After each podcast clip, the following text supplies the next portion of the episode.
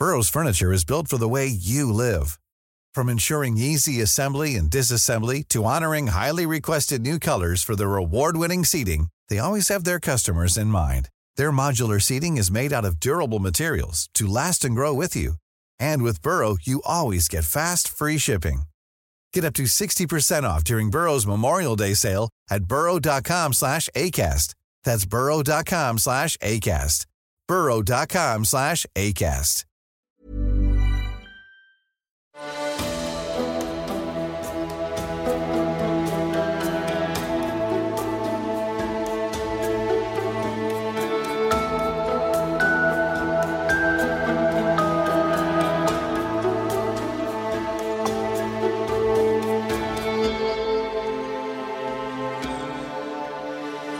Velkommen til Seriemorderpodden, podkasten dedikert til seriemordere.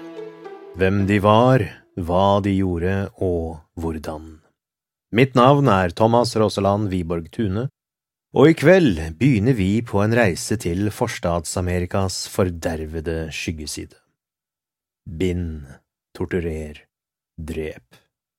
Få ord vekker flere følelser av redsel, og likevel er det akkurat de tre ordene denne morderen som vi tar for oss i kveld, valgte for sitt akronym, som på engelsk blir BTK.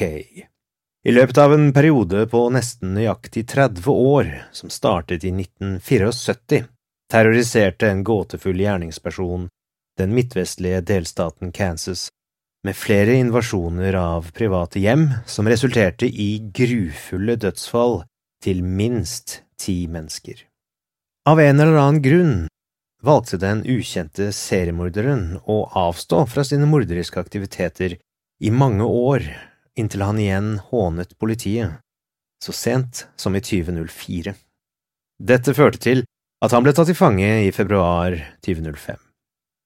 For det var en mann, og hans navn var ingen ringere enn Dennis Raider.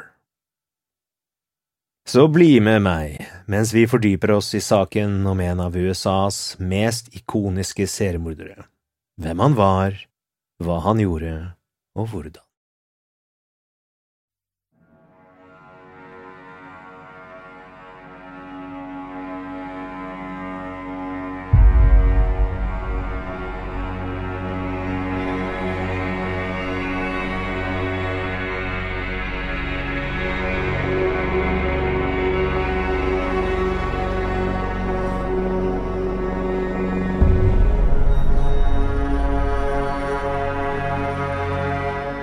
Hva som følger, er utdrag fra den første offisielle politirapporten i BTK-saken. Politikonstabler i byen Wichita, Kansas, USA, svarte på et anrop om ettermiddagen den 15. januar 1974. Anropet kom fra 803 North Edgemore Street på hjørnet av Murdoch. Tre tenåringer som var kommet hjem fra skolen, hadde oppdaget at faren og moren deres lå myrdet inne i huset. Politiet gikk inn i den hvite bungalowen og så en veske på gulvet med innholdet dumpet ut. På kjøkkenet var en åpen lommebok. I det sørvestlige soverommet fant de en voksen mann, Joseph Otero, på gulvet. Anklene hans var bundet med hvit snor og hendene bundet bak ham. En av tenåringene hadde kuttet tauet som hadde holdt en plastpose på plass over hodet til herr Otero. Kniven som ble brukt, lå ved siden av liket. På sengen lå kona hans, Julie, kvalt, med anklene bundet fast med hendene bak på ryggen slik at hun lå bøyd bakover. Begge kroppene var kalde og stive. På gulvet i et annet soverom, som tenåringene ikke hadde oppdaget, lå liket av ni år gamle Joseph jr. Hans hender og ankler var bundet med snor fra en persienne. Et putetrekk var lagt over hodet hans, dekket med to plastposer og en T-skjorte. Ut fra gjenstander på kjøkkenet så det ut som familien var blitt avbrutt mens de tilberedte lunsj. Tenåringene hadde funnet familiens hund i bakgården, noe som var høyst uvanlig. Telefonlinjen var kuttet, og familiens bil, en Oldsmobile Vista Cruiser, var savnet. Tenåringene informerte betjentene om at de hadde bodd i dette hjemmet bare i ni uker. En betjent gikk ned i kjelleren med en lommelykt. I et lagringsområde oppdaget han kroppen til elleve år gamle Josephine, hengende i et kloakkrør. Hun hadde på seg sokker og en genser, og trusen hadde blitt trukket ned. BH-en hennes var kuttet foran. En snor viklet seg rundt anklene hennes, og en annen var rundt knærne hennes. Hendene hennes var bundet bak ryggen. Alle snorene, inkludert den som ble brukt til å henge henne, var den typen som ble brukt på persienner. Knuter i snorene var kyndig knyttet. Et tørket stoff på benet og områdene rundt henne skulle vise seg å være sæd. Det tok drøye 500 ord å nøkternt beskrive hva som var sluttresultatet av BTKs herjinger i Otero-familiens hjem. Det er trist lesning, men det gir oss lite informasjon om hva som faktisk hadde skjedd. For å forstå omfanget av terroren BTK brakte med seg, ber jeg deg om å forestille deg en iskald januarmorgen i året 1974 i et øvrig middelklassehjem. Hennes navn var Josie Otero. Hun var elleve år, brukte briller, likte å skrive poesi, tegne bilder og var opptatt av utseendet sitt. Hun hadde begynt å bruke bh og å gro håret sitt langt. Nå falt det så tykt rundt hodet og halsen hennes at mannen med pistolen snart ville få vanskeligheter med å binde kluten for å holde kneblet i munnen hennes.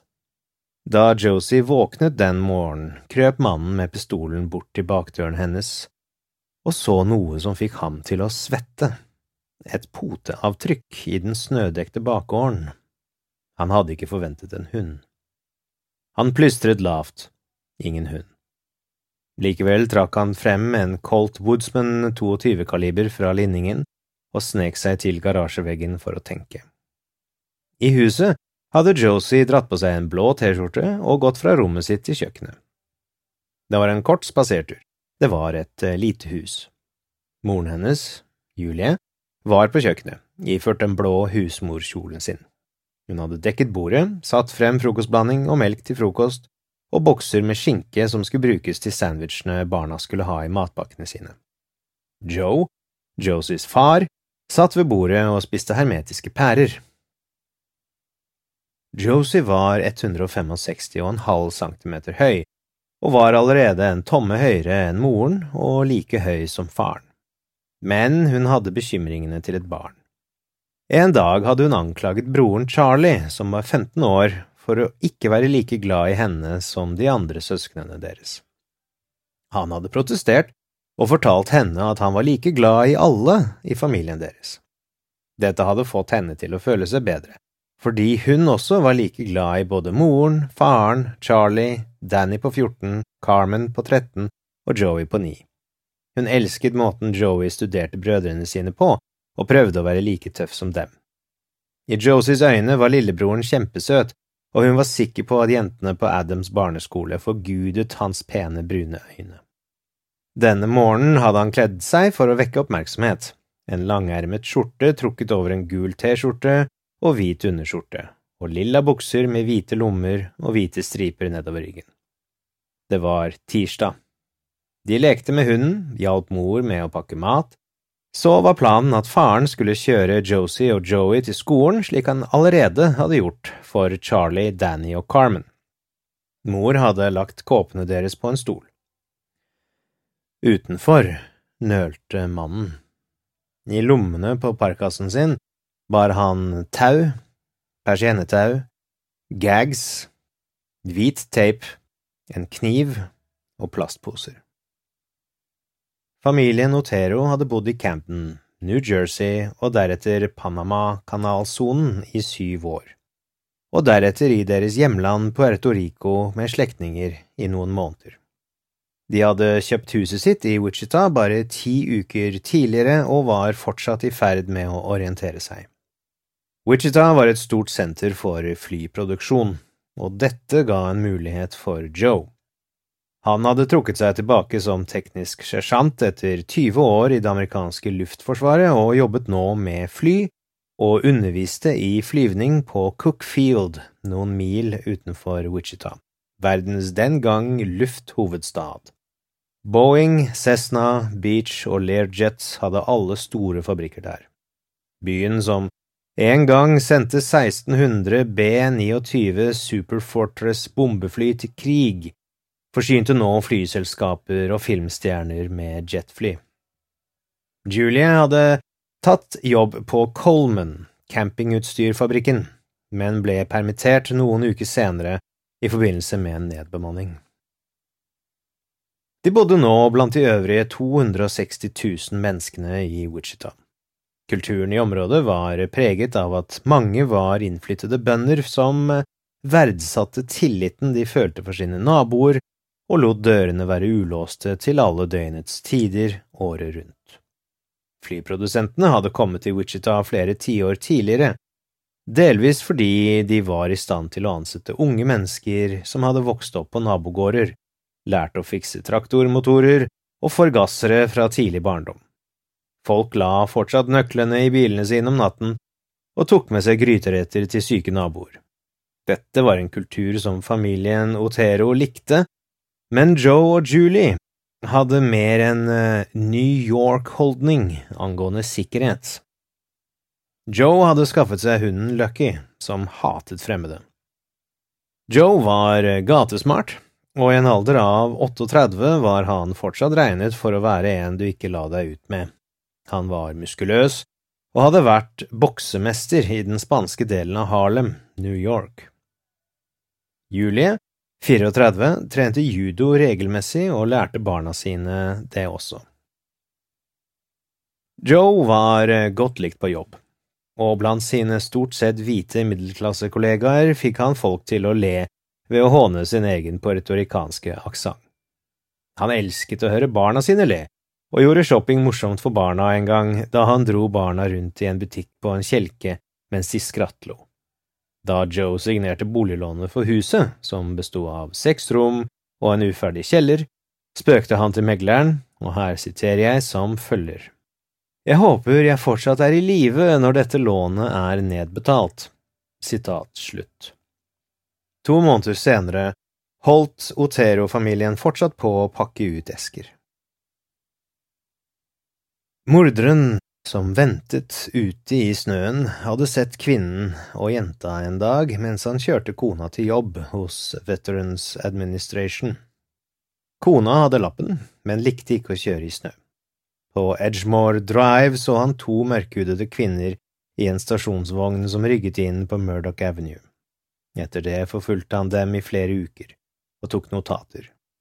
Han fulgte Julie flere ganger mens hun kjørte Josie og Joey til skolen. Han visste at de dro rundt klokken 08.45, og at det tok Julie syv minutter å komme hjem igjen. Han visste at mannen dro på jobb rundt klokken 08.00. Han ønsket ikke å konfrontere ektemannen, så han eh, tidsbestemte sin egen ankomst til omtrent 8.20. Mannen ville være borte da. Gutten ville være der, men han var ikke en viktig del av planen. Han ville drepe gutten, men han ville ikke ha ham. Han ville ha jenta. Det morderen ikke visste, var at familien nå hadde kun én bil. Joe hadde ødelagt den andre noen dager før og brukket noen ribbein. For å få Carmen, Danny og Charlie til skolen før klokken 08.00 hadde Joe tatt stasjonsvognen som Julie vanligvis kjørte. Da de hadde kjørt ut av garasjen, hadde Charlie begynt å lukke garasjeporten, men Joe ba ham om å la den stå, for han skulle tilbake igjen rett etter å ha levert barna på skolen. Med sin ribbeinskade var ikke Joe i stand til å jobbe for en god stund fremover. A lot can happen in the next three years. Like a chatbot may be your new best friend. But what won't change? Needing health insurance. United Healthcare Tri Term Medical Plans are available for these changing times. Underwritten by Golden Rule Insurance Company, they offer budget friendly, flexible coverage for people who are in between jobs or missed open enrollment. The plans last nearly three years in some states, with access to a nationwide network of doctors and hospitals. So, for whatever tomorrow brings, United Healthcare Tri Term Medical Plans may be for you. Learn more at uh1.com. Mother's Day is around the corner. Find the perfect gift for the mom in your life with a stunning piece of jewelry from Blue Nile. From timeless pearls to dazzling gemstones, Blue Nile has something she'll adore. Need it fast? Most items can ship overnight. Plus, enjoy guaranteed free shipping and returns. Don't miss our special Mother's Day deals. Save big on the season's most beautiful trends. For a limited time, get up to 50% off by going to BlueNile.com. That's BlueNile.com. Det var minus grader celsius ute, og snøen lå frosset på den harde bakken. Morderen var 28. Han hadde mørkt hår og grønne øyne. Han likte å se på pornografi. Han likte å dagdrømme. Han hadde gitt penisen sin kallenavnet Sparky. Han anså seg selv som en hemmelig agent, en leiemorder, en skygge. Morderen hadde stått opp i mørket den morgenen, pakket parkalommene, parkert flere kvartaler fra målhuset og deretter gått. Huset satt på det nordvestlige hjørnet av Murdoch Avenue og Edgemore Drive i østlige Wichita. Han hadde ankommet til huset da det svake lyset fra daggry tilslørte kometen Kohotek, som i flere uker hadde hengt som et spøkelse over den sørlige horisonten. Han tenkte på den unge jenta med langt, mørkt hår og briller. Hun så ut som hun var laget for SBT, hans forkortelse for Sparky Big Time. Morderen hadde mange slike forkortelser og sære uttrykk som han benyttet for seg selv. Nå ventet han i bakgården og nølte. Han likte ikke at hunden ikke var å se.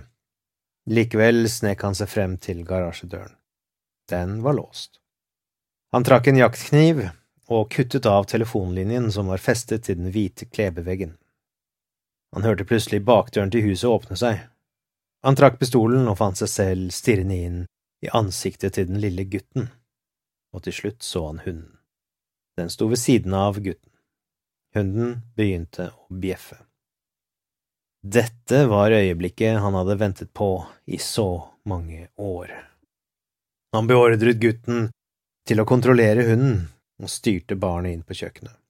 Der møtte han enda en overraskelse ansikt til ansikt. Mannen var hjemme. Hunden bjeffet og bjeffet. Morderen ruvet 18 centimeter over den mindre mannen, men han kjente likevel skjelvende frykt. Han pekte med pistolen. Dette er et ran, sa han. Målet hans, den lille jenta, begynte å gråte. Han sa til familien at de ikke skulle være redde. Barna gråt, og herr Otero spurte ham hva han ville med dem. Morderen sa at han var sulten, han trengte penger til mat og en bil til å komme seg unna. Joe sa at det skulle han få, ikke noe problem. Likevel sa morderen at han ikke ville at familien skulle ringe politiet eller løpe til naboer så fort han dro, så han var nødt til å binde dem fast. Men aller først måtte bikkja ut. Lille Joey slapp hunden ut bakdøren og lukket den igjen. Først samlet han familien i stuen, men forsto raskt at naboer ville kunne se inn gjennom vinduene hva som foregikk. Han fikk derfor raskt ført de fire familiemedlemmene til hovedsoverommet. Der bandt han dem fast på hender og føtter etter tur.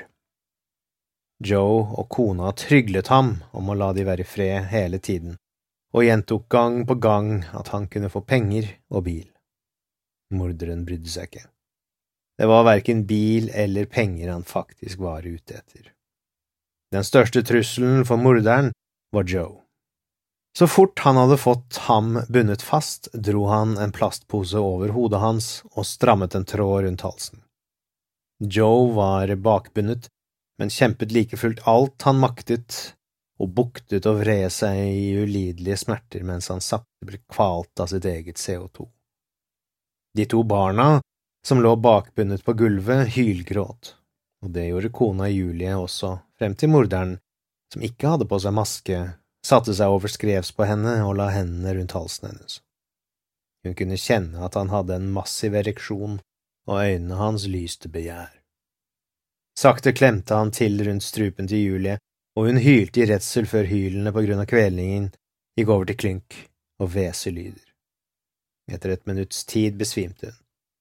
Morderen snur seg mot Joe og ser at han har klart å bite et hull i posen over hodet sitt. Uten et ord reiser morderen seg og går bort til klesskapet. Der henter han en T-skjorte og binder den rundt hodet til Joe, før han trer nok en plastpose over hodet hans og binder den fast.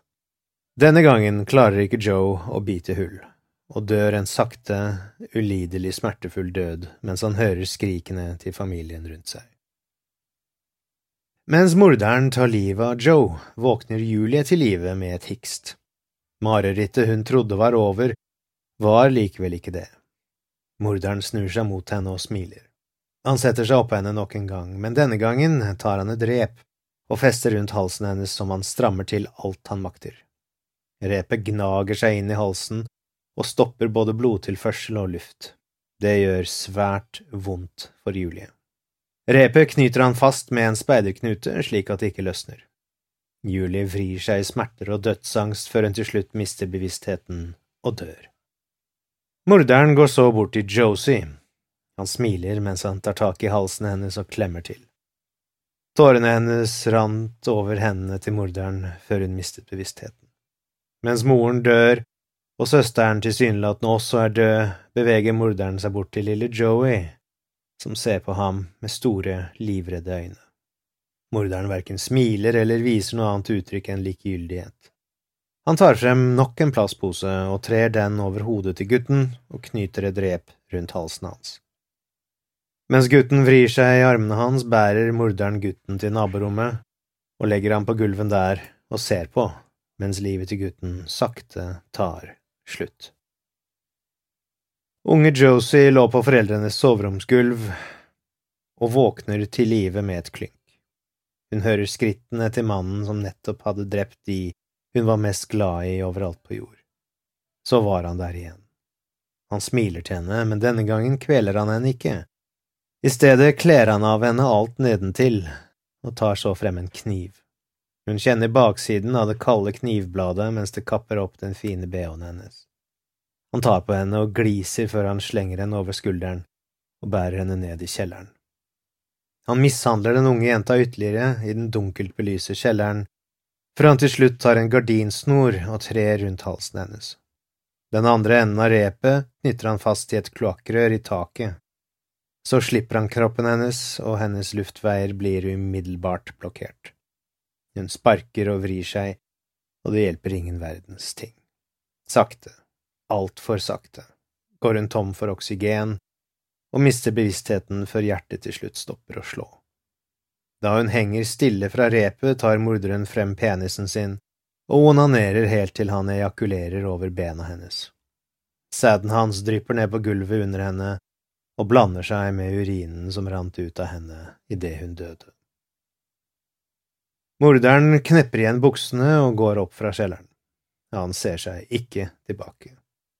Han går fra rom til rom og ser om det er noen suvenirer han har lyst på. Han tar klokken til Joe og Tero og i et annet rom finner han en radio han liker. Han plukker opp de delene av mordutstyret som han hadde lagt fra seg. Nøklene til familiens bil har han i lommen etter å ha fått de fra Joe tidligere. Han går ut i garasjen via inngangen inn i huset og setter seg i bilen. Samlet sett hadde morderen oppholdt seg i Oteros hjem i to timer. Så kjører han rolig ut og parkerer et stykke unna ved en dagligvarehandel ved navn Dillons. På veien holdt han hetten på parkasen oppe for å skjule ansiktet. Før han gikk ut av bilen, justerte han setet forover for å hindre at etterforskere skulle finne ut høyden hans. Han gikk så til sin egen bil, en hvit 1962 Impala Coupe. Der gikk han gjennom alt han hadde tatt med den morgenen, og innså med en vond følelse i maven at han hadde lagt igjen kniven sin i Otero-huset. Han kjørte tilbake til huset på North Edgemore, kjørte inn i garasjen, gikk til bakdøren og plukket opp kniven. Så kjørte han hjem med blodet brusende i ørene. Han tok to Tylenol og kjørte deretter til en skog han hadde lekt i som gutt, langs lille Arkansas River, nord for Wichita. Der brente han skisser han hadde laget under planleggingen, sammen med ting han hadde brukt til å drepe familien. Han eh, skyndte seg. Kona hans ville snart være ferdig på jobb, og han ville være hjemme i tide for å unngå noen mistanke fra henne. Morderen gled raskt tilbake til hjemmets bekvemmeligheter. Han hadde vært gift i nesten tre år og åpnet fortsatt dører for sin kone, hjalp henne med å ta på seg yttertøyet, de gikk i kirken sammen med foreldrene, og han hjalp til med kirkens ungdomsgruppe. Innenfor hjemmets fire vegger laget morderen reglene, og han likte ting ryddig, ryddig og presist. Kona føyet seg for mannen sin. På fritiden likte han å studere kriminalromaner, detektivmagasiner og pornografi. Han likte å onanere mens han lekte med håndjern. I deres koselige hjem, som bare var på 90 kvadratmeter, gjemte han små trofeer. På håndleddet bar han Joe Oteros klokke. Morderens navn var Dennis Lynn Raider, og han begynte å skrive om det han hadde gjort. Han fortalte kona at han hadde mye å skrive i forbindelse med sine studier. Han skrev at Joe Otero hadde trodd i de første øyeblikkene at inntrengningen hans var en praktisk spøk. Han skrev det Josie hadde sagt like før han hengte henne. Han skrev alt ned, gjorde det ferdig 3. februar 1974 og arkiverte det i en perm slik at han kunne lese det når han ville. Han signerte dokumentet BTK, Bind, Torture, Kill, bind, torturer, drep. Han visste at han hadde gjort ting som kunne ha fått ham fanget. Han hadde lagt igjen kniven sin. Han hadde ikke hatt på seg maske. Han hadde ikke forutsett hunden. Han hadde feilaktig antatt at faren hadde reist. Han bestemte seg for å gjøre det bedre neste gang. Og det måtte bli en neste gang. Han hadde likt tiden han hadde brukt på å misbruke og myrde den unge jenta. Og med det kommer vi til slutten av den sjette episoden av Seriemorderpodden, og slutten på del én i sagaen om BTK. Jeg håper du har hatt glede av å tilbringe litt tid med meg i kveld. Neste episode, som kommer om to uker, fortsetter vi fortellingen om seriemordersuperstjernen Dennis Raider. Så som de sier i Radioland, følg med.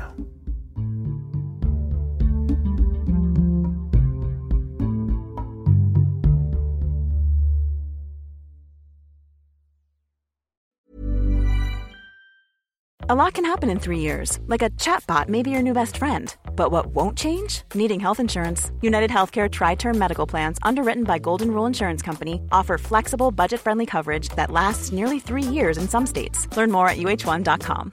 Imagine the softest sheets you've ever felt. Now imagine them getting even softer over time. That's what you'll feel with Bowl and Branch's organic cotton sheets. In a recent customer survey, 96% replied that Bowl and Branch sheets get softer with every wash. Start getting your best sleep in these sheets that get softer and softer for years to come. Try their sheets with a 30-night guarantee. Plus, get 15% off your first order at bowlandbranch.com. Code BUTTERY. Exclusions apply. See site for details.